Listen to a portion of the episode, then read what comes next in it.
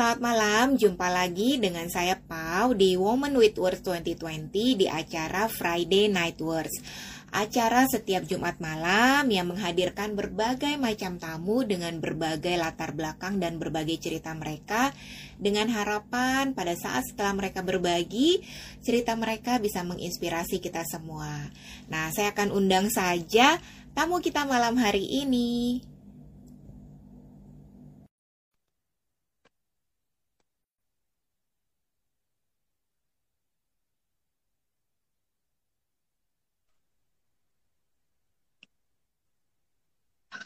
Halo, Pau, apa kabar? Eh, maaf ya, uh, baru sampai. Uh, is okay, yang penting sudah tiba dengan selamat. Mbak Wida, selamat malam. Selamat malam, sehat-sehat ya, Pau. Apa kabar? Ya, Udah berapa tahun ya kita nggak ketemu ya? Iya, iya, iya. Jadi teman-teman, aku mau cerita nih, kenapa seorang Pau nih bisa kenal sama perempuan hebat kayak gini nih. Jadi kita kenalannya tuh di waktu sama-sama diundang pada bulan Maret sebelum uh, sebelum uh, apa pandemi nih, Maret 2020 ketemuannya di studio Metro TV karena kami kebetulan sama-sama diundang untuk berbagi cerita dan mengisi acara di segmen waktu itu di uh, talk show-nya uh, Bang Andi ya, di Kick Andy ya, ya. Mbak Wida ya. Nah, jadi ya, betul. di di sesi itu ada tiga pasang karena ceritanya tuh tentang pasangan nih, tentang sejoli. Kebetulan Mbak Wida dan suami itu uh, dapat urutan giliran pertama ya, Mbak ya. Iya. Masih grogi ya. Benar-benar. Aku aku kebetulan uh, aman nih aku dan suami dapat giliran kedua. Terus ada satu pasang lagi itu Mbak Nila ya. Itu ya. pasangan yang ketiga. Nah, jadi aku uh, apa ya terhormat sekali nih bisa setelah sekian lama bersua lagi dan bisa mengundang Mbak Wida untuk ngobrol di sini. So, terima kasih Mbak Wida. Terima kasih sudah mengundang ya Pau. Aku berpikir apakah aku pantas hadir di sini. Tentu saja, semua semua orang punya cerita dan itu pantas untuk dibagikan, apalagi kalau bisa menginspirasi kita semua. Mbak Wida, apa kabar? Sehat-sehat? Baik, sehat. Ini juga baru pulang tadi dari uh, rapatnya, tapi di kantor gitu loh. Jadi ya, oh, ya okay. ngebut. Tadi ngebut, ngebut banget. Untung waduh, waduh, jalannya waduh. sepi karena PPKM kan, Pak. Jadi sepi iya, jalannya iya, tuh. Iya. Wah, lumayan. 30 3 eh, 35 menit dari wow. Cipete sampai Ciledug. Biasanya Mbak berapa lama? Biasanya satu jam. Wow, ya itu untung tiba dengan ya. selamat nih. Mbak Winda. Hmm. Ya, terima kasih loh ya. Iya, iya, iya. Mbak Wida, uh, aku nih belum cerita banyak nih ke teman-teman di sini siapa ini Mbak Wida. Aku cuma bilang uh, sosok tamu aku malam hari ini adalah seorang perempuan yang mendedikasikan hidupnya nih untuk banyak orang dengan berbagi dan peduli. Nah, uh, dengan gerakannya. Nah, aku pingin uh, dengar cerita langsung aja deh dari Mbak Wida tolong perkenalkan dan apa sih kesibukan yang dilakukan saat ini nih Mbak Wida. Silakan. Oke, aku juga uh, menyapa dulu ya. Uh, selamat Boleh. malam, terima kasih sudah diundang di sini. Sedikit cerita, sebenarnya nggak ada yang istimewa ya, Pau, tapi uh, apa ya, dan nggak sendirian. Pasti semuanya itu uh, apa pun yang kita lakukan pasti dilakukannya bersama-sama orang lain. Benar kan, Pau? Karena nggak ada yang sendirian. Ya. Kita ini bukan bukan bukan superwoman atau kita bukan hmm. siapa pun lah ya. Jadi uh, aku percaya banget dengan kekuatan uh, kebersamaan itu.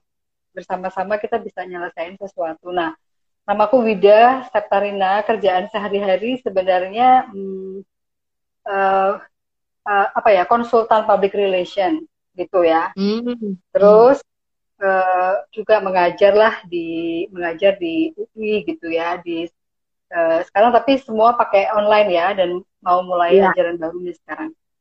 Nah di sela-sela itu uh, tadi aku diceritain udah diceritain sama Paul dan suami yang kebetulan seorang apa ya seorang partner uh, partner in crime uh, in crime-nya ini ya tadi mencoba untuk membantu uh, hmm. lingkungan sekitar kita yang uh, tidak bisa tidak bisa mendapatkan akses ya akses pada makanan. Ya. Hmm. namanya organisasinya namanya Food Bank of Indonesia. Jadi dia bergerak di bawah yayasan yang namanya Yayasan Lumbung Pangan Indonesia.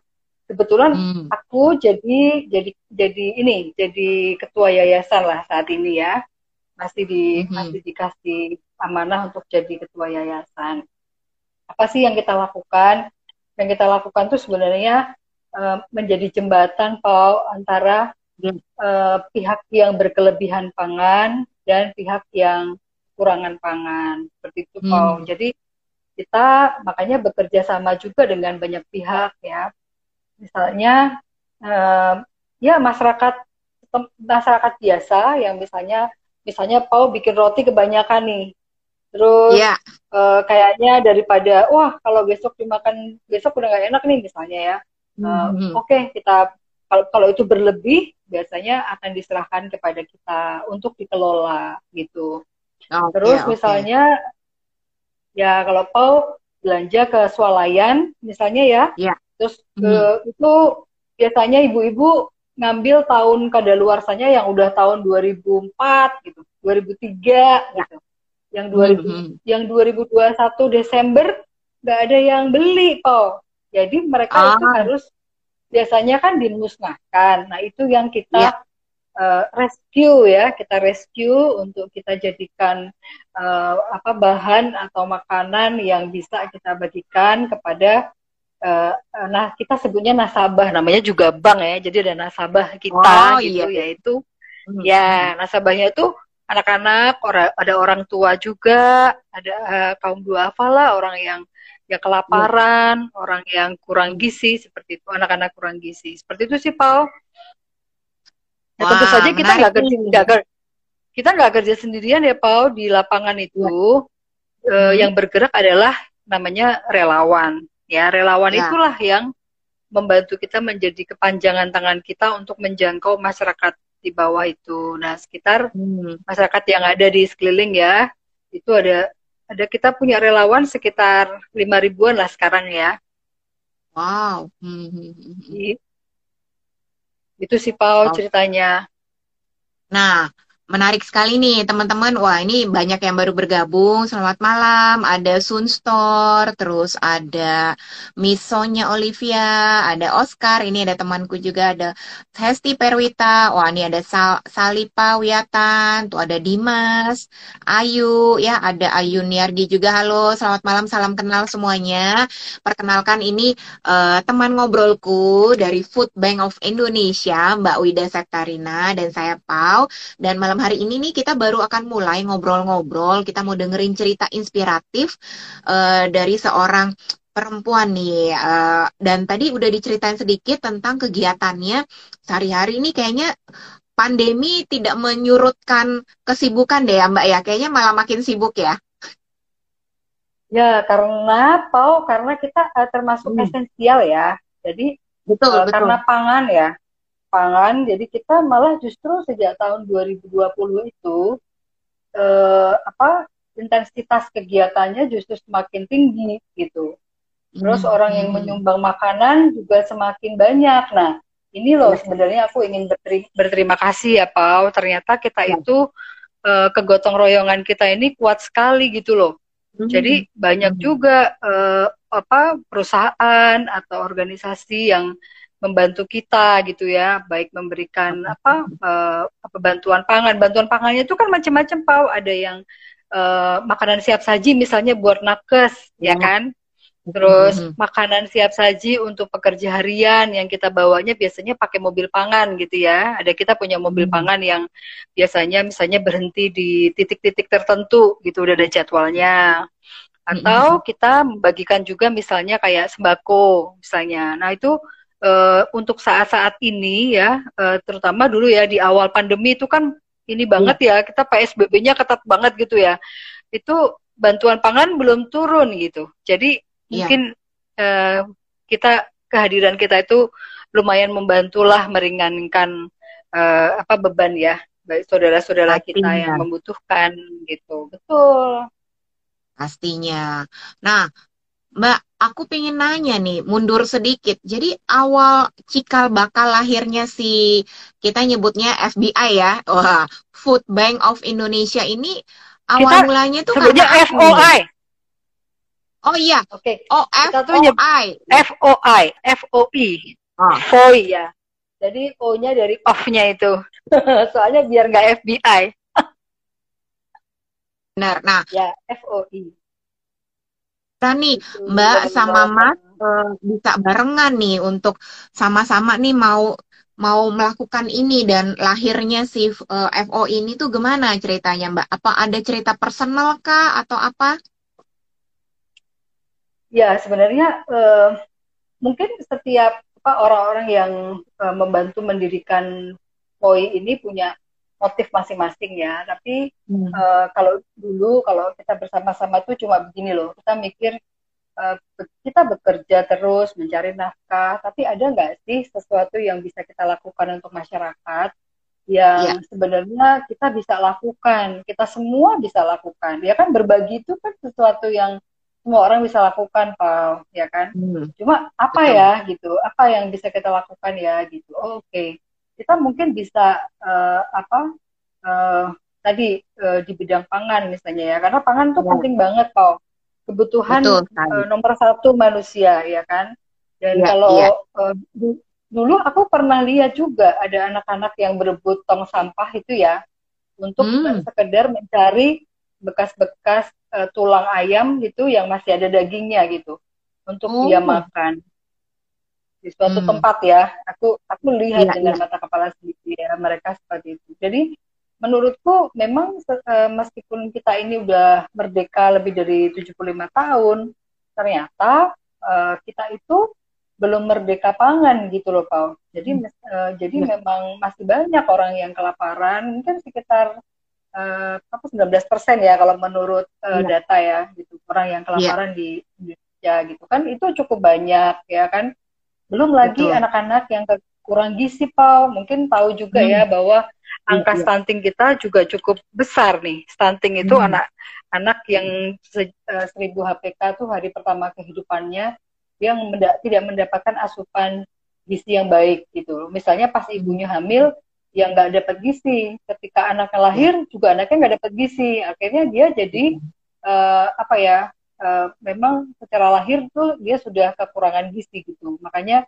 hmm. stunting ya, stunting itu baik secara yeah. fisiknya dia pendek, nggak bisa ya. besar, yeah. kemudian secara kapasitas otaknya juga kurang. Nah itu kita bisa membayangkan hmm. kalau anak-anak kita kayak gitu, gimana nih masa yeah, depan yeah. Indonesia? Ya kan Indonesia itu mau dibawa ke mana gitu loh.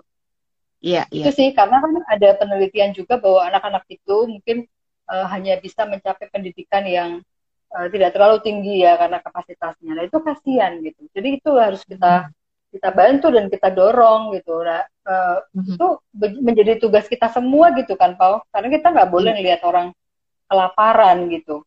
Mm-hmm. Jadi nggak ada tuh orang. Kalau Pau masak kue roti, aku udah ngerasain ya rotinya enak banget ya. Kalau harumnya, harumnya mm. sampai ke tetangga, itu kita harus berbagi dengan tetangga yeah. kita. Ini itu prinsipnya tuh seperti itulah intinya gitu. Jadi kalau ada satu tempat yang ada orang kelaparan itu udah pasti warganya atau tetangganya nggak peduli. Itu yang ingin kita tumbuhkan sih sebenarnya. Jadi hmm. perasaan mm-hmm. untuk apa ya bahwa di dalam makanya nggak boleh juga kan kita makan berlebih-lebihan dan terbuang ya. gitu.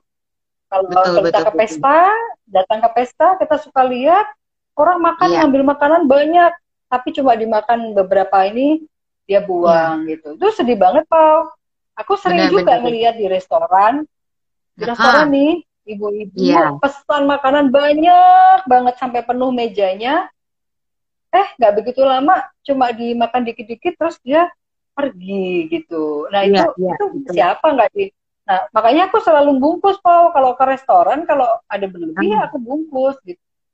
Itu loh. Ya hmm. intinya sih seperti itu. Jadi pertama uh, penting banget untuk berbagi ya. Yang kedua nggak hmm. boleh membuang, membuang makanan tuh uh, menjadikan makanan tuh mubazir tuh nggak boleh. Karena di iya, dalam ya. makanan yang mubazir itu ada haknya orang lain gitu loh Pak. Setuju, ya kan? setuju, setuju. Iya, iya, iya. Oke. Jadi uh, kira-kira udah berapa tahun ini Mbak FOI ini nih, Food Bank of Indonesia ini didirikan? kalau dia seorang anak dia baru balita apa umurnya baru eh nggak ada yang di atas balita. Enam tahun. Enam udah tahun. SD ya? SD kelas satu ya? SD ya. PAUD PAUD SD sekarang tujuh. Iya iya iya SD sekarang tuh luar biasa. Iya iya. Wah tapi kecil-kecil nih tapi sudah merambah ya. Kalau saya lihat dari Instagramnya juga itu uh, sibuk banget nih gerakannya uh, apa ya istilahnya uh, penyebarannya ke mana-mana apalagi tadi Mbak Wida cerita nih bahwa sukarelawannya itu mencapai di angka sekitar berapa tadi Mbak lima ribu kah? Ya sekitar lima uh, ribuan lah lima ribuan orang ya empat ribu empat ribu sekian lah ya tapi ya kita oh. sebutnya lima ribu gitu. Jadi cakupannya ini se, se Indonesia kah Mbak atau di mana nih? Nah belum nih. Cakupan kita itu baru uh, titiknya itu ada 33 titik ya 33 titik itu. Ya kayak misalnya Jakarta uh, Jabodetabek ada ya. Jakarta Bandung Tangerang Bekasi itu ada. Terus uh, Bandung uh, Semarang Surabaya uh, uh, Solo ya Surakarta Yogyakarta ya. itu kita ada. Kita ada cabang-cabang hmm Koi gitu di tempat-tempat itu. Ah. Yang paling jauh di, yang paling jauh di Ambon. Di Lombok oh. juga ada. Oke, oke. Berarti ibaratnya di tempat-tempat itu ada perwakilannya ya, Mbak ya? Ya, ada perwakilannya. Nah, boleh cerita nggak Mbak? Jadi yang eh, konsep sederhananya nih supaya teman-teman di sini makin semakin kenal dan semakin dekat dengan Food Bank of Indonesia dan siapa tahu oh ternyata tetangganya ini perwakilannya loh selama ini nggak sadar hmm. atau apa gitu ya. Uh, apa konsep simpelnya alurnya seperti apa nih Mbak dari Food Bank of Indonesia yang sudah dilakukan selama ini? Jadi orang uh, yang mendatangi food banknya atau uh, kontak nih aku ada mau pesta dan kayaknya makanannya akan berlebih. Jadi atau gimana gitu Mbak contoh sederhananya? Contoh sederhananya kita ini uh, tugas kita, tugas ya. KOI adalah uh, melakukan uh, rescue makanan. Rescue-nya okay. dari mana nih? Kita merescue ya. itu dari mana saja? Dari hotel, restoran, kafe, ya. kemudian juga dari uh, industri makanan ya, orang-orang yang apa kayak uh, pabrik makanan dan segala macam itu kita rescue dari situ. Kemudian mm -hmm. kita melakukan sortir, penyortiran. Jadi kita ya. sortir uh, hmm. apa makanan-makanan yang masih baik ya sebagian nanti ya. diolah di dapur dapur-dapur pangan itu sebagian hmm. uh, kita apa kita wrapping gitu kemudian kita bagikan dalam dalam bentuk makanan-makanan ya seperti sembako dan sebagainya itu ya. gitu nah hmm. siapa ya kemudian di bawahnya yang menerima adalah ya tadi aku udah sebutin nasabah tadi ya, ya. orang yang sakit, hmm. yang tak mampu, orang yang kelaparan gitu. Pokoknya orang-orang yang membutuhkan bantuan kita, apakah itu lansia ya kan, eh, anak-anak ya, ya. dan sebagainya itu. Jadi uh, kita ini sebagai jembatan ya, tadi aku udah sampaikan jembatan, ya. ini iya. orang yang berkelebihan, terus di, di samping hmm. kanannya ada orang yang kekurangan, itu yang kita kita bantu gitu. Oke. Okay, okay. kerjaan kita itu nah, me, me, ya menjadi perantara ya Mbak ya. Betul, menjadi perantara. Benar-benar. Nah, biasanya menjadi perantara itu sebenarnya adalah kalau menurut saya itu suatu pekerjaan yang mulia. Karena kadang-kadang orang itu punya niat baik tapi tidak tahu harus disalurkan ke mana tuh Mbak. Ngerti ya? Sering kejadian kayak gitu. Nah, itu perannya si perantara ini penting sekali. Tiba-tiba aku ngomongin soal makanan berlebih, aku jadi ingat nih Mbak. Dulu uh, ada masanya ini aku berkecimpung di dunia wedding organizer itu sekian puluh tahun lah ada ya sebelum aku ya. mengurangi kesibukannya. Dan aku ingat biasanya tuh uh, klien-kliennya ya uh, memang uh, katakanlah tamunya tuh di uh, diundangnya di hotel dulu belum pandemi ya kita ngomong sebelum pandemi nah memang jadi aku perhatikan konsumen kita ya. Saya yang tidak mengeneralisir atau tidak me menyebutkan satu pihak golongan tertentu. Umumnya yang saya lihat pengalaman dari bertahun-tahun pada saat acara berjalan benar tuh yang tadi Mbak Wida cerita uh, orang kita mungkin dulunya pun kita juga termasuk seperti itu habitnya. Ngelihat banyak stall makanan lapar mata. Jadi dari tujuh pondokan kita ambil semuanya ya atau yang di apa yang di buffet itu Mbak, tapi belum tentu kita mampu habiskan. Jadi cuma ambil betul. Kadang-kadang ya eh, kita ngomong contoh nggak usah di pondokan yang di tengah aja deh, yang di buffet. Ada tujuh, tujuh jenis makanan kita sendokin semua sedikit sedikit sedikit pas di akhir loh kok jadi setumpuk ya. Nah Ya. Terus mata kita belum kita habisin yang di piring, mata kita udah ngeliat nih, atau bahkan udah sambil ngantri. Wah di sana ada sate kambing. Wah di sini ada siomay. Nah itu. Jadi, kambing guling, uh, kambing guling. Pau, guling, kambing guling, pau. Tiba-tiba jadi jadi kangen nih ya pesta ya mbak ya kondangan ya jadi kangen ya. Udah lama nggak pesta nih pau. Bener-bener saya udah lupa loh rasanya pesta. Nah jadi kejadiannya waktu saya lagi muter inspeksi gitu ya, saya uh, supervise gitu, itu sampah banyak sekali, sampah makanan. Karena cuma diambil satu sendok, dua sendok, abis itu mau nggak mau dibuang. Nggak mungkin uh, istilahnya disimpan kan ya Mbak, itu nggak boleh karena itu kan udah terkontaminasi. Nah, ya, itu betul. bayangkan kalau undangan yang disebar seribu undangan atau 2000 undangan. Jadi kebayang nggak di di pantry belakang. Jadi tugas saya itu kan menunggu sampai pestanya selesai kan, sampai misalnya ada ya. makanan yang berlebih yang masih bersih, sampai pokoknya keluarga selesai baru kami selesai. Itu saya lihat yang saya bikin apa ya sedih saat itu saya belum kenal uh, Mbak Wida nih. Kalau udah kenal dari dulu saya tinggal telepon.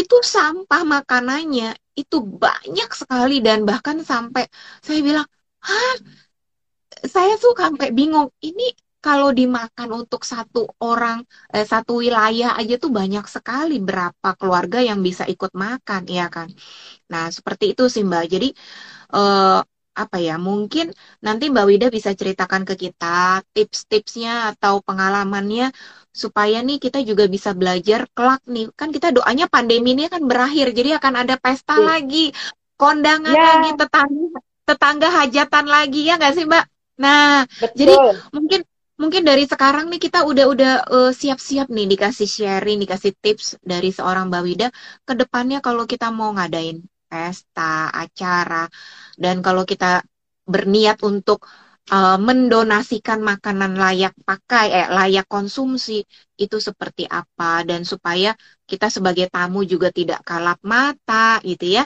Nanti nanti aku pingin tahu nih sharingnya dari Mbak Wida. Cuma yang aku mau cerita bahwa pengalaman itu sangat membekas sekali. Jadi setiap uh, kalau mau mulai acara pesta Mbak, aku selalu ngomong sama tim aku.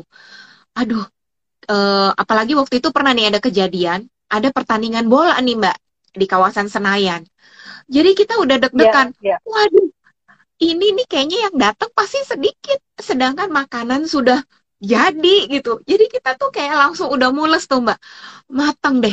Kita pasti harus bungkus makanan nih banyak sekali gitu, karena jalanan tuh orang udah nggak berani uh, jalan karena areanya tuh udah macet dengan si pendukung sepak bola ini. Nah, jadi itu sangat membekas sekali bahwa uh, gimana caranya ya supaya uh, yang namanya pe, apa ya pelaku pesta yang apa pemangku hajat ataupun yang konsumen nih tamu-tamu yang diundang bisa bersikap lebih bijak dalam mengkonsumsi atau dalam memesan makanan. Itu yang baru contoh kelihatan satu di area pernikahan nih Mbak. Padahal kan dulu sebelum pandemi apalagi kalau udah musim nikah nih Mbak, tiap minggu Sabtu Minggu Sabtu Minggu tuh pasti selalu ada orang hajatan ya, baik di rumah, di kelurahan atau di hotel di atau di ruang serbaguna kebayang nggak tuh uh, banyaknya uh, potensi makanan yang bisa direscue ya mbak mbak Wida?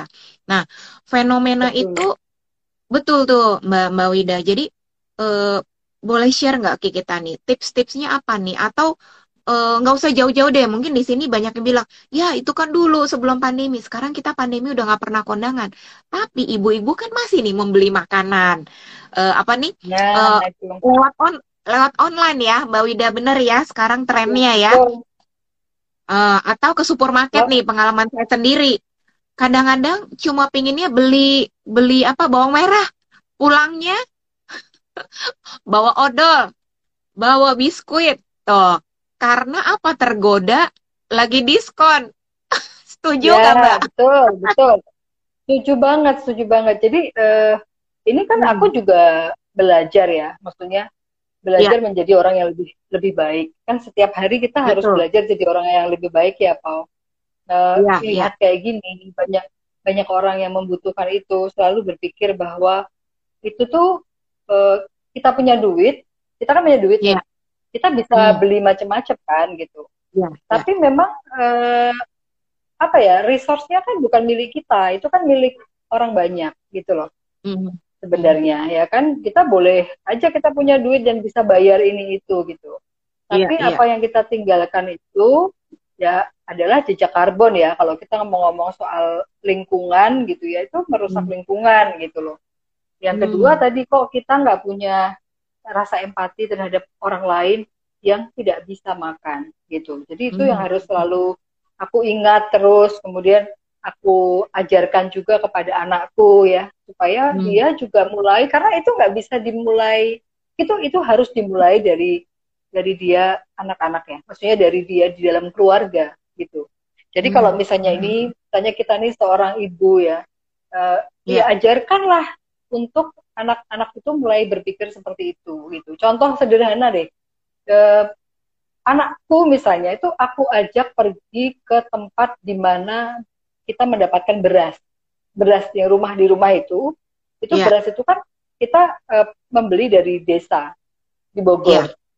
Okay. Dia pergi ke sana, jadi dia melihat orang memanen beras, orang uh, apa menggiling beras gitu ya, terus mengangkutnya dalam kendaraan, terus sampai uh, di Jakarta dan segala macam tuh dia tahu bahwa itu melibatkan banyak sekali resource gitu, yeah. banyak sekali orang gitu. Jadi sebutir nasi itu itu sangat bernilai itu sih. Betul. Jadi jadi dengan dia melihat sendiri kan itu experience ya melakukan, yeah. melakukan pengalaman menjalani sebuah pengalaman yeah. gitu ya dia tahu bahwa oh nggak boleh ya mom ternyata tuh nggak boleh ya karena perjalanannya tuh jauh banget empat jam dari Bogor ke Jakarta gitu loh terus kita hmm. sampai di, dimasak dan segala macam terus kok aku makannya nggak habis gitu kasihan banget ya petaninya gitu loh kasihan banget nah. ya yang ngangkut gitu ya waktu itu dia masih kecil ya masih ya. karena anak-anak kan nggak bisa di kalau dulu pau kita dibilang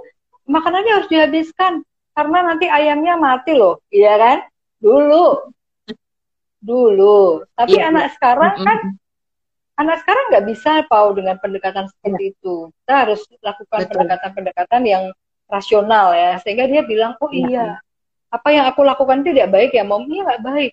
Meskipun hanya hmm. sendok nasi atau sebutir nasi gitu loh pau itu. Iya, jadi kita iya, sendiri iya. yang maksudnya kita sendiri harus berubah ya. Kita berubah. Yang kedua uh, tadi berubahnya itu sampai pada tadi kita harus punya perencanaan kalau mau belanja po ya ya belanja nih mempunyai catatan sehingga kita tuh nggak tadi yang diceritain tadi lapar mata dan segala macam dan segala macam itu sampai kita mengisi kulkas kita dengan penuh tapi mm -hmm. setelah dua hari uh, kentang kita warnanya udah nggak seger lagi terus kita buang ke tempat mm. sampah padahal iya, sebenarnya ya, ya. masih bisa dikelola juga ya kentang yang ya. udah agak nggak nggak keras hmm. tapi udah lembek segala iya. macam tuh semua harus diolah gitu. jadi hmm. aku juga belajar belajar untuk mengolah kembali contohnya kalau ada nasi hmm. yang tadi malam ya kan yeah. nasi tadi malam yeah. apakah aku buang nggak pernah aku bikin hmm. macam-macam aku bikin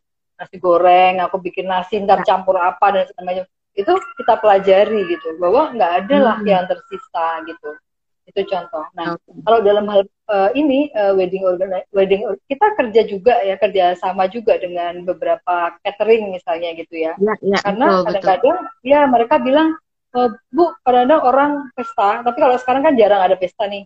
Kalau dulu orang masih ada loh banyak loh couple yang mengontak kita dan dia bilang e, kita mengundang misalnya 900 orang tapi kita memasak 1200 gitu. Tapi ya, kalau ya. itu ada yang di tapi bukan makanan yang udah dibuka ya, tapi makanan yang di ya. belakang ya. gitu. Itu kita ya. sumbangkan kepada POI. Itu juga ada. Terus oh. hotel. Hotel ya. juga begitu. Hotel itu hmm. bekerja sama dengan kita beberapa hotel ya. Jadi kalau ada hmm. yang makanan yang berlebih, dia berikan kepada kita gitu. Sekarang juga hmm. ada bakery, bakery bakery Paul. Nah bakery oh. bakery itu roti rotinya masih enak Paul. Jadi enak sekali gitu. Tapi memang uh, dia kan nggak bisa jual besok lagi kan gitu loh. Jadi kalau mallnya tutup, ya dia hari ini hmm. harus dimusnahkan karena nggak mungkin yeah. dia jual lagi karena kan dia tagline-nya kan fresh from the oven gitu kan. Ah, Jadi memang yeah, harus yeah, harus fresh. Nah, Padahal itu masih sangat layak untuk kita konsumsi. Jadi makanya kita kita rescue itu semua diambil hmm. oleh para relawan kita, kemudian kita uh, berikan pada saat itu pada uh, yang membutuhkan baik anak-anak maupun lansia. Seperti itu sih Pau. Jadi hmm. bermanfaat lah. Kita juga benar, kerjasama benar. dengan kayak salah satu swalayan yang setiap hmm. minggu itu mengantarkan uh, itu makanan yang masih edenya masih jauh ya uh, masih tiga bulan masih empat bulan itu kita sortir misalnya nih hmm. kayak cornet sarden yeah, yeah. Uh, yeah. Oh, macam-macam pokoknya makanan-makanan yang bagus banget ya masih ada uh, granola lah dan segala macam itu yeah, masih yeah. bagus dan kita bisa kelola pasta-pasta gitu itu kita hmm. kelola karena wow, karena sebenarnya karena belum lewat ED-nya masih layak iya, untuk iya. dikonsumsi manusia gitu loh Paul. Betul betul Jadi betul. Ada waste. Betul. Aku aku uh, dari tadi menarik sekali nih mendengar kata uh, rescue. Karena kan ibaratnya kalau kita ngomong rescue tuh kayak menyelamatkan hewan atau apa ya, tapi ini makanan yang kita selamatkan. Karena sering kali kita tuh nggak uh, cuma mikir oh yang kita selamatkan itu manusia orang, tapi sebenarnya uh, banyak sekali nih cara untuk merescue dari yang lingkup paling kecil deh di rumah kita sendiri ya. Tadi kan Mbak Mbak Wida bilang nih, biasanya kita kalau ibu atau di rumah tangga nih beli mungkin kayak sekarang pandemi kita beli seminggu, tapi kadang-kadang nggak kita ukur nih dengan kapasitas kulkas kita atau kapasitas jumlah orang yang makan. Tiba-tiba pokoknya kita beli buat seminggu, eh ujung-ujungnya banyak sisa-sisa tapi udah males kita kita selamatkan. Padahal sebenarnya kalau kita mau kreatif atau ini, oh ini ada yang udah lebih uh, tapi apa kondisinya mungkin udah nggak terlalu fresh ya kan, tapi bisa kita olah ya. jadi makanan. Nah itu menyelamatkan makanan ya, uh, apa kepedulian ya. kita untuk menyelamatkan makanan, rescue the food. Nah itu itu menarik sekali. Nah Mbak Wida itu kalau lagi hidup. apa Mbak Wida? Oh itu itu lifestyle Paul. Oh, itu gaya kan hidup ya, lifestyle, ya, ya. ya kan? Betul. Sama seperti aku, aku sekarang ini sama sekali tidak mau menggunakan plastik. Contoh ya. Jadi aku ke mana-mana ya, ya. itu selalu membawa tas sendiri gitu. Itu kan my ya. lifestyle gitu kan. Semua betul, orang mau, betul. Uh, tinggal memilih mau mau nggak seperti itu gitu. Ya. Jadi nggak pernah betul, aku membawa plastik datang ke rumah ya. Pertama karena kalau hmm. dalam pandemi, dalam pandemi ini kita mengurangi interaksi dengan apa yeah. kantong-kantong plastik ya segala macam kita nggak yeah, tahu. Yeah. Nanti kita bawa sendiri tote bag ke mana-mana yang kalau kita beli ya udah masuk situ kita kita bawa gitu. Yeah, itu yeah. itu pilihan gitu. Nah kita mau nggak menjadi orang yang punya pilihan hidup seperti itu gitu. Iya. Karena itu juga uh, juga butuh apa ya uh, tidak nyam tidak terlalu nyaman tapi lama-lama akan terbiasa kan bahwa kita betul kita uh, ya kan lama-lama akan terbiasa sih sebenarnya gitu. Ya, oh iya. ya, aku nggak menerima plastik gitu. Sampai kadang-kadang ya. banyak orang yang agak kaget juga kalau aku bilang mbak nggak usah pakai plastik. Itu mereka langsung ekspresinya gimana? Oh gitu ya, ya gitu. apalagi kalau misalnya ini kalau ada pertemuan dulu ya zaman belum sebelum pandemi nih Pau kan sering diundang hmm. teman misalnya yuk kita ketemu di ya reuni atau apa kita ber, reuni tapi cuma berlima berempat gitu ya yeah. itu pada pesan-pesan makanan tuh aku selalu yang paling cerewet aku bilang eh eh kalian tuh jangan lapar mata uh, pesan dulu yang satu piring kita sharing dulu Sharing. gitu. Nah, itu itu caranya. Kita sharing dulu, coba lihat gitu. Terus nanti kalau pada ada yang maksa atau pesan gitu itu, aku paksa dia untuk menghabiskan. Kalau nggak dihabisin, lo bungkus gitu. Jadi mereka Iya, iya. kalau mau ngajak aku jadi mikir nih, nanti udah cerewet lagi nih gitu ya. Iya kan, oh cerewet lagi nih, dicerewetin nih gitu. Tapi ya nggak apa-apa gitu, karena kita kan Iya, harus iya. harus me- me- menelu- menelu- menularkan ini kepada orang-orang yang Betul. di sekitar kita ya kan. Betul, betul, setuju sekali. Karena benar, eh, yang apa ya, sesuatu yang baru itu kadang-kadang tidak nyaman, tapi ju- eh, selalu butuh proses, butuh waktu. Akhirnya lama-lama menjadi terbiasa. Saya ingat tuh, dulu waktu zamannya eh, belum diberlakukan supermarket belum terlalu ketat, ya Mbak ya, masih ingat ya. Jadi, oh masih kasih plastik. Nah, itu kan kita konsumen, oh ya udah deh, kalau ketinggalan tas kain masih bisa beli plastik gitu. Sampai eh, suatu waktu diperketat atau di tanda kutip dipaksa dengan tidak ada lagi kantong plastik. Jadi kalau nggak bawa kantong ya harus beli kantong kain gitu. Nah, Loh, itu lama-lama jadi membuat eh, memaksa konsumen jadi belajar untuk gaya hidup eh, memang tidak ada kantong plastik lagi ya. Jadi saya pun Betul. jadi gitu lama-lama jadi keingetan. Oh iya tiap kali misalnya mau beli apa keluar pasti bawa kantong kain. Di mobil atau di mana di tas pasti kita selipin tas kain itu. Jadi udah benar yang kata Mbak Wida bilang udah kayak gaya hidup ya Mbak ya.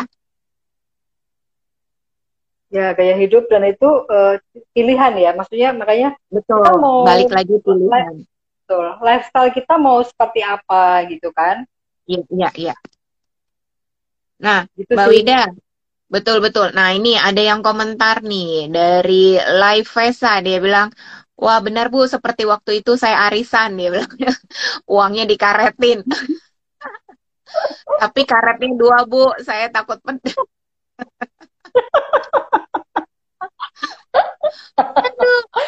Aduh. Ya, ya, ya. Iya. Mbak Wida, mau nanya dong. Jadi kalau Food Bank of Indonesia ini eh, pada saat pandemi ini eh, apa nih yang eh, gerakan yang dilakukan nih? Eh, yang terakhir-terakhir ini, apalagi saat ini kan PPKM ya. Ya sebenarnya eh, kita punya udah punya program jadi sejak Iya. lama ya ini program-program lama tapi eh, karena adanya pandemi semakin intensitasnya semakin tinggi ya misalnya tadi Hmm. kayak dapur pangan dapur pangan itu kita support ya supaya me- mereka bisa terus bergerak begitu ya tapi memang kok di, di dalam food bank ini kita tidak ingin orang menjadi tangan di bawah gitu loh kok jadi Ah, Nah, ya kan karena eh, karena terbiasa untuk me- mendapatkan makanan mudah gitu ya. Tapi kita Betul. ingin mereka tuh bergerak gitu, bergerak untuk hmm. juga membantu masyarakat di sekitarnya. Makanya aku bilang tadi gotong royong tuh Pau nomor satu tuh Ah. kuncinya. Kalau misalnya eh, mereka mau bergerak untuk eh, lingkungan sekitarnya, kita akan support. Artinya gini, nggak selalu kita berikan mereka full dengan eh, apa namanya apa yang mereka butuhkan. Misalnya nih, Iya.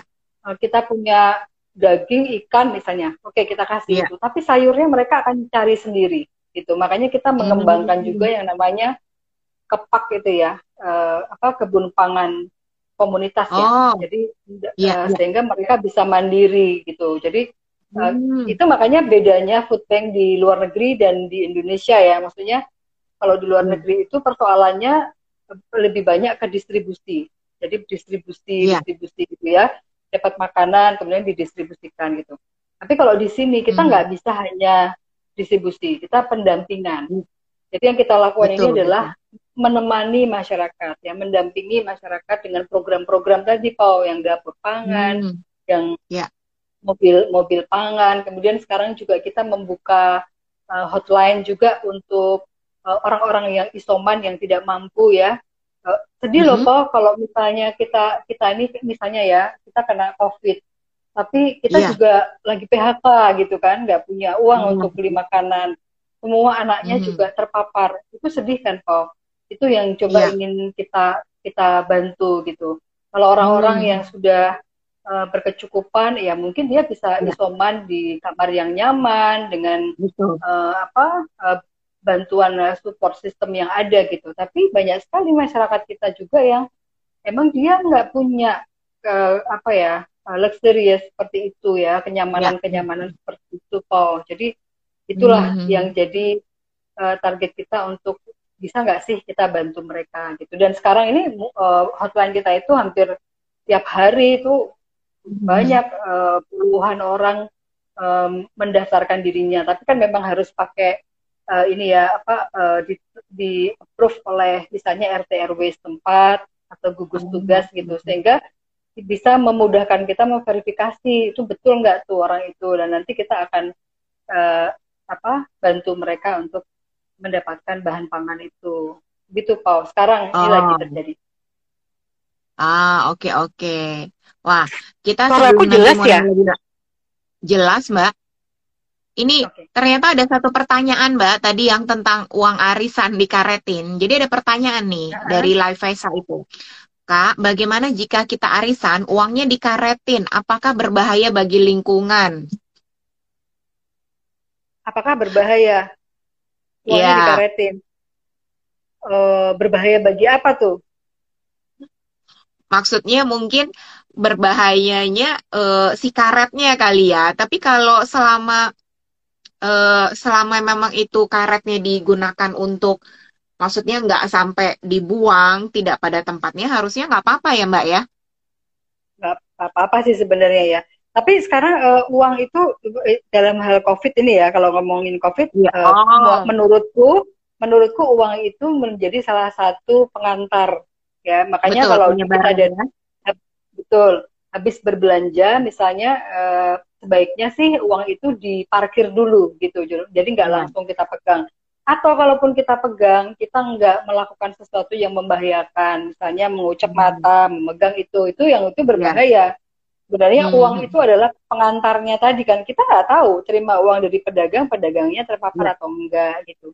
Jadi kita Betul. lebih kepada apa ya menya, me, me, melindungi diri kita sendirilah dari resiko-resiko ya, ya. itu gitu kan. Kita ya, ya ya itulah berbahayanya lebih karena itu sih Po kayaknya. Betul betul.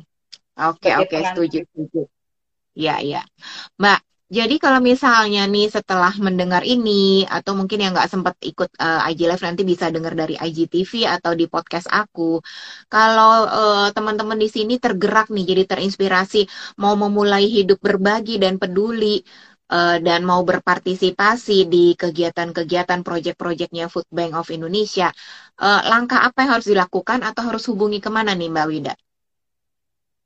Sebenarnya uh, food bank tuh gampang banget dihubungi karena kita punya hotline ya. Hotline-nya ada ya. di bio-nya IG Live kita itu. Ya. Kalau misalnya nggak mm -hmm. nggak sempat lihat ya 0812 9366 3649 tuh kontak ke situ atau ya. bisa juga lewat uh, eh, IG kita. Pasti kalau ya. uh, eh, DM atau apa itu langsung direspon kok. Ya kan atau okay, Facebook okay. kita. Jadi linknya banyak banget gitu dan juga bisa kalau googling juga ketahuan kok kita alamatnya di mana kita di Cipete po ya kan ya. uh, jadi bisa langsung datang misalnya gitu karena banyak juga kok orang misalnya dia ulang tahun pejabat nih ulang hmm. tahun dapat ya. dapat hmm. roti banyak banget dari para para para siapa ya, gitu yang gede-gede gitu ya, ya. Uh -uh, hmm. itu ya kalau kalau nggak habis kalau udah kebanyakan banget mungkin udah nggak ini dia juga mengirimkan ke kita. Dan masih bagus dan masih layak untuk ya, dimakan. Jadi buat yang apa ya uh, yang punya kelebihan atau punya usaha-usaha kecil juga ya nggak apa-apa juga gitu. Kalau misalnya hmm. punya oh kok berlebih tapi nggak ada yang makan daripada hmm. dibuang diantar saja ke sana atau hubungi saja hotline kita. Nanti kita cari jalan untuk bisa merescue si makanan itu. Pokoknya nggak boleh deh ada kemubaziran pangan kok, nggak boleh kok. Betul, setuju, setuju. Betul. Jangan lupa Jadi teman-teman, ya. Belanjanya, belanja pakai catatan. Ya, itu penting tuh tadi yang kita ngomong uh, tips di rumah buat kita itu belanja buat perencanaan benar, belanja. Benar, Buat ya, perencanaan ya, ya. memasak. Itu penting kok. Ah, ya, ya. Betul. perencanaan nih. Aku juga catat, aku mau belajar nih. Jadi selalu ada hal yang bisa dipelajari nih dari dari teman-teman uh, apa pembicara di IG live aku nih. nah, Mbak, aku juga udah catat nih ya, kalau teman-teman nanti mau atau bisa follow juga IG-nya Mbak Wida juga bisa atau uh, IG-nya Food Bank in of Indonesia itu IG-nya Food Bank ID, betul ya? Food Bank ID. Betul. Betul, Food nah, Bank ID. Aku bantu tulis Ya. Oke, oke.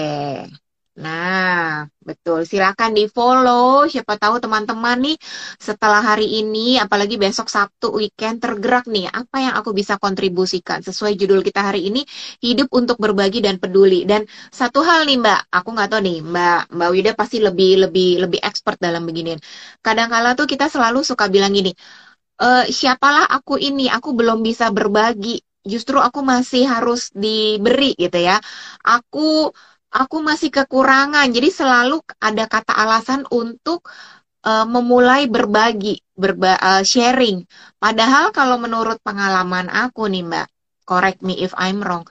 Kadang-kadang justru dengan apa yang kita miliki saat ini, keterbatasan kita, pasti kalau kita punya niat atau itikat baik, selalu ada jalan untuk kita berbagi ya.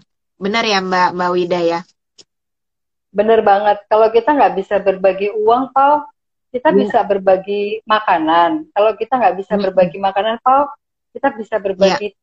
waktu, ya. Maksudnya kita bisa iya. berbagi ya. tenaga untuk bisa membantu. Betul. Kita juga kita hmm. juga ada kok uh, apa relawan-relawan itu yang juga bantu, misalnya uh, membagikan makanan melalui mobil pangan kita itu kan relawan juga hmm. yang yang bergerak gitu betul, gitu loh. Betul. Jadi ya, misalnya ya, ya. kita lagi mem membutuhkan driver, mereka ada yang punya hmm. kemampuan untuk nyopir, mereka bisa ngantar makanan kita ke mana ke mana gitu. Jadi nah. apa pun lah ya, ya kan kita bisa. Kalau kita ternyata nggak punya uang, nggak punya apa, nggak punya, tapi kita punya kemampuan untuk memotret misalnya, bisa ya. kok bantuin kita kampa kampanye, bikin kampanye-kampanye ya. tentang food waste misalnya. Gitu sih ya. Pak. Jadi nggak ada kata tuh kita itu uh, kita nggak bisa gitu. Apa pun mm-hmm. Tuhan pasti menciptakan kita itu untuk satu tujuan kan, Paul? Ya kan? Setuju. Tuhan menciptakan mm-hmm. dengan, dengan tujuan. Ya tujuan kita apa di dunia ini selain uh, menciptakan dunia yang lebih baik ya, membantu sesama itu kan menciptakan dunia yang lebih baik gitu. Iya, iya. iya. Itu sih. Wah, Ternyata nih Mbak Wida yang tadi nanya soal arisan, oh, dia bilang hmm. saya pernah Bu ikut food bank ke daerah terpencil. Wah, ini berarti Waduh. salah satu alumninya nih. Siapa ya. ini? Ya, ini tapi siapa katanya, ya namanya? Katanya kerjanya memang nyata. Mantap. luar biasa, nah, luar biasa. Terima kasih. Mbak Wida sharing lagi dong um, sebelum nanti kita uh, akan mengakhiri obrolan kita gitu ya. Um, ya. Jadi tadi uh, apa ada nggak sih selama perjalanan mengurusi rescue, ya, save and rescue the food ini melalui Food Bank Indonesia ini uh, apa nih pengalaman yang aduh pasti banyak pengalaman yang berkesan tapi ada nggak satu pengalaman yang tidak terlupakan yang semakin membuat Mbak Wida dan suami ini semakin uh, termotivasi nih untuk terus berkarya di sini ya uh, gini Paul, jadi uh, kita itu kadang kalau karena kita tidak ada di posisi itu, kita sering kali nggak percaya bahwa ada orang ya. tidak bisa makan gitu, karena kita nggak hmm. tahu gitu. Tapi uh, setelah menjalani ini semua, berjalan ke belakang gedung-gedung besar itu, kita jadi tahu ya. bahwa oh ada ya banyak sekali ya lansia yang diabaikan, yang kalau ya. anaknya pergi dia dikunciin di rumah Paul dan dia hmm. nggak mendapatkan makanan yang layak ada yang hmm. dia uh, pegawai dia apa lansia itu uh, dia pensiunan pegawai negeri tapi pensiunnya diambil anaknya setiap hari dia dibikinin makanan adalah nasi dan stop saja itu ada ada hmm. Ada banyak sekali hmm. lansia yang uh, ini nih kisah nyata ya Paul yang aku ceritain ini ada seorang ibu yang dia rumahnya dijual sama anaknya dan ibunya ditinggal. Ibunya pekerjaannya hmm. adalah uh, apa sih pengupas pete Cina. Oh. Jadi pengupas pete Cina, jadi dia berapa dapat satu tempat itu nanti dibayar seperti itu. Sangat sedih, Pak. Jadi memang uh, aku juga baru tahu ya setelah hmm. aku sendiri mengalami peristiwa itu. Maksudnya ber bertemu lah dengan ya, uh, ya. ya lansia-lansia yang seperti itu. Ya, ya. Kemudian anak-anak yang yang namanya buah itu dia pernah dengar, pernah baca, tapi nggak pernah makan itu, Pak. Misalnya hmm. kan kita hmm. dibantu juga nih oleh salah satu perusahaan buah nih, yang ya. kalau dia berlebih buahnya tuh dikirim ke kita, terus kita punya program ya. kan uh, ber, berbagi buah berbuah berkah itu, itu ya. banyak banget anak-anak yang oh ini apa ya, yang namanya pir tuh Pau, itu dia ya. nggak ya. pernah nggak pernah lihat gitu jadi begitu melihat itu dan oh rasanya enak ya manis ya dan segala iya, macam ya. itu itu luar biasa jadi kita tuh merasa apa ya oh ya Tuhan kita kita menjadi hmm. apa ya uh, kepanjangan, tangan atau tangan. perantara ya kepanjangan tangan ya. untuk menyampaikan itu menyampaikan pengetahuan itu pada mereka hmm. Supaya mereka bisa merasakannya. Ada anak yang bilang bu ya senang sekali bisa dapat pisang. Kita sering kali patungan loh bertiga untuk beli pisang di uh, apa uh, toko itu ya. Kan ada yang ya, jual ya. pisang pisang sunflower seperti itu. Dia ya, bagi ya. tiga. Patungan dia bagi tiga. Pisang. Bagi orang-orang yang hidupnya nyaman.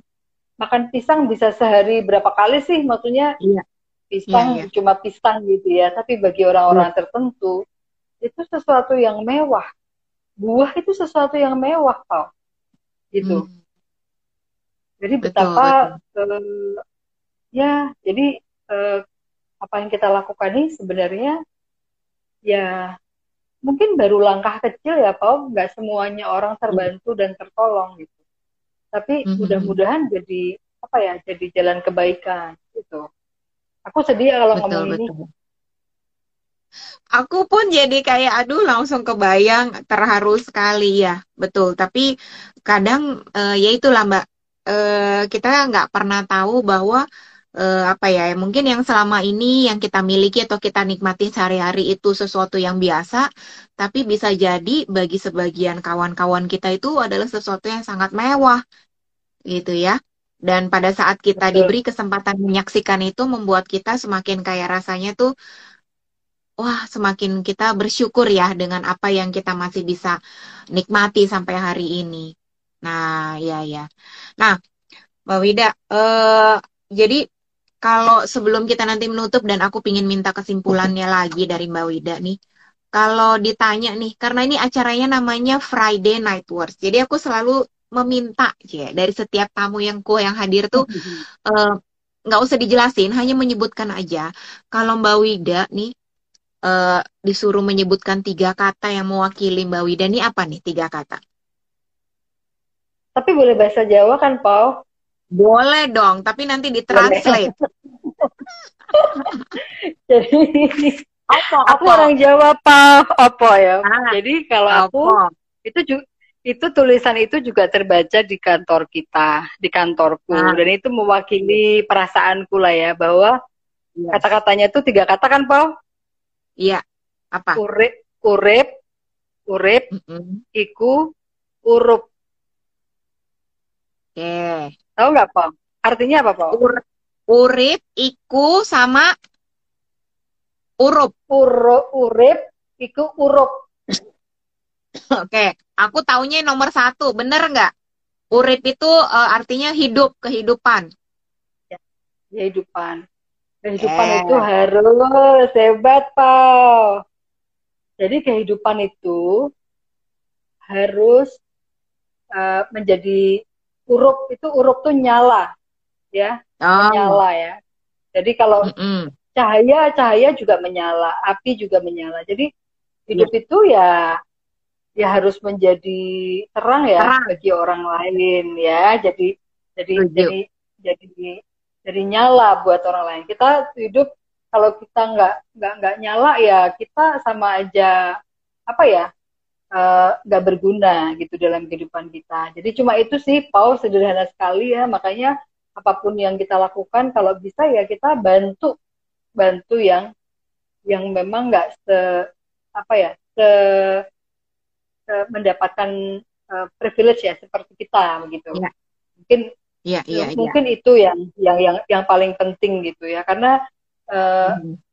aku orang yang percaya bahwa apa pun yang kita lakukan kebaikan apa pun yang kita lakukan itu akan berbuah kebaikan juga gitu mungkin nggak saat ini untuk kita Pau tapi ya. mungkin untuk anak-anak anak-anak kita misalnya misalnya begitu ya misalnya aku tuh kok laki ya hidupku laki oh mungkin karena dulu ibuku suka membagi, berbagi dan memberi misalnya seperti itu ya, jadi ya. ada ada multiple yang yang ya yang seperti itulah Pau Ya, ya, ya. Aku setuju sekali tuh dengan prinsip itu. Jadi urip, iku, urup. Ikunya tadi apa Mbak? Ikunya? Hidup ini menyala. Ya. Hidup oh, ini itu. adalah terang. Iku tuh Jadi, ini ya. Oh, oke, okay. iku ya. Urip iku urup. Nah, keren nih. Mewakili banget dari aku walaupun uh, apa cuma ketemu sekali tapi aku sungguh merasakan nih dari Mbak Wida ini memang orangnya uh, ya itulah uh, passionnya atau hidupnya memang untuk menjadi ya urup itu tadi bener banget.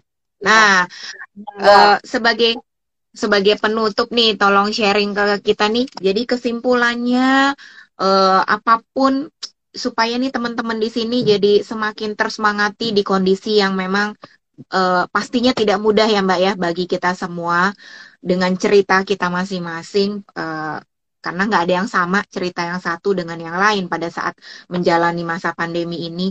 Semoga bisa mendengarkan setelah sharing dari Mbak Wida ini jadi semakin terberkati, semakin kayaknya disentil bahwa masih banyak orang di luar sana nih yang lebih mungkin lebih berkekurangan gitu.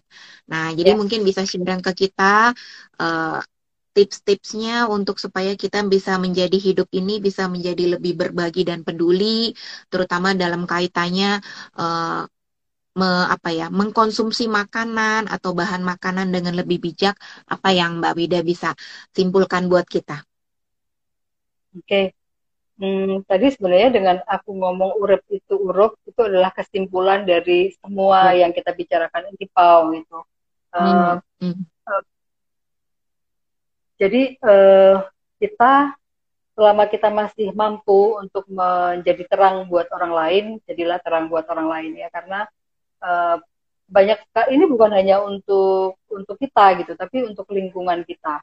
Kita kalau hmm. Aku aku punya ini ya PR agency namanya Lotus makanya kenapa dikasih nama Lotus tuh karena mm. uh, itulah jadilah tadi dia tetap indah di antara bahkan uh, apa ya lumpur atau apa pun gitu ya. sehingga kita juga ya kita bisa apa ya me me menjalani uh, fungsi kita ini ya ketika kita diturunkan ke bumi ini oleh Tuhan gitulah ya. kira-kira gitu oh, mm, gitu ya. dan ya, makanya dalam sehari-hari ya jalani itu gitu loh Ber, berbuat kebaikan itu ya nggak usah dihitung-hitung nggak usah diukur-ukur ya. gitu kan ya mm-hmm. ya berbuatlah sepanjang kita bisa gitu aku juga ingin uh, me, me, menyampaikan prihatin sekali ya Paul dengan uh, semua saudara kita kenalan kita teman kita yang hari-hari ini uh, banyak sekali gitu loh berita duka cita berita sulit ya karena uh, misalnya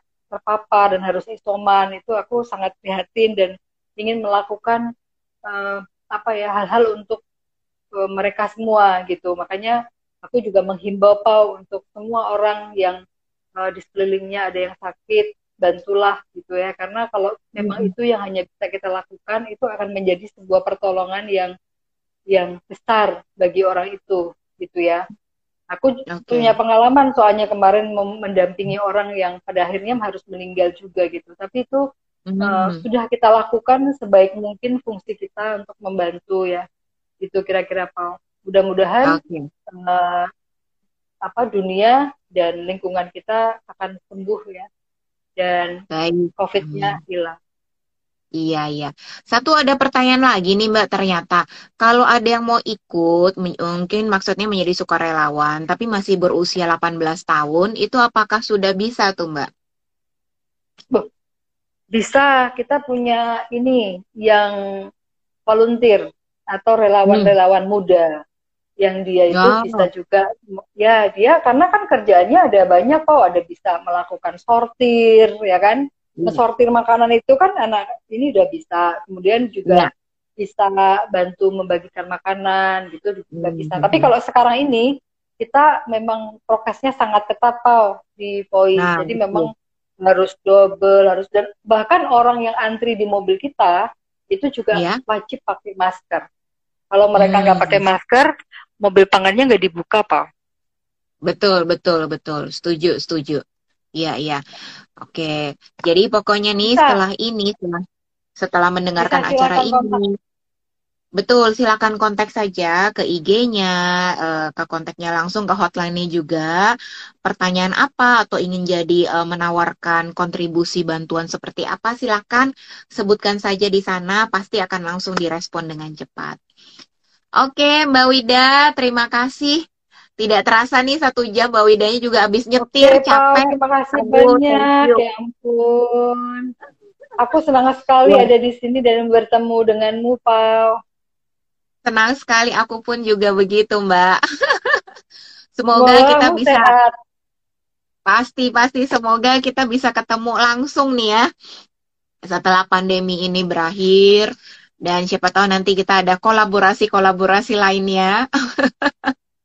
Yep, Mbak Wina, terima kasih. Salam untuk keluarga. Semoga uh, kita doakan semoga ini karya-karyanya dari Food Bank Indonesia ini semakin dilancarkan, dimudahkan, semakin menjadi perpanjangan tangan untuk semakin banyak orang yang membutuhkan di sana. Uh, terima kasih untuk inspirasinya, cerita yang luar biasa malam hari ini.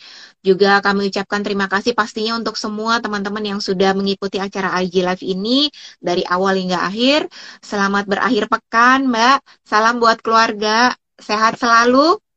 Tetap semangat. Sama-sama, Pau. Salam uh, buat keluarga ya dan sehat selalu. Dadah. Selamat malam. Selamat malam. Thank you, Pau.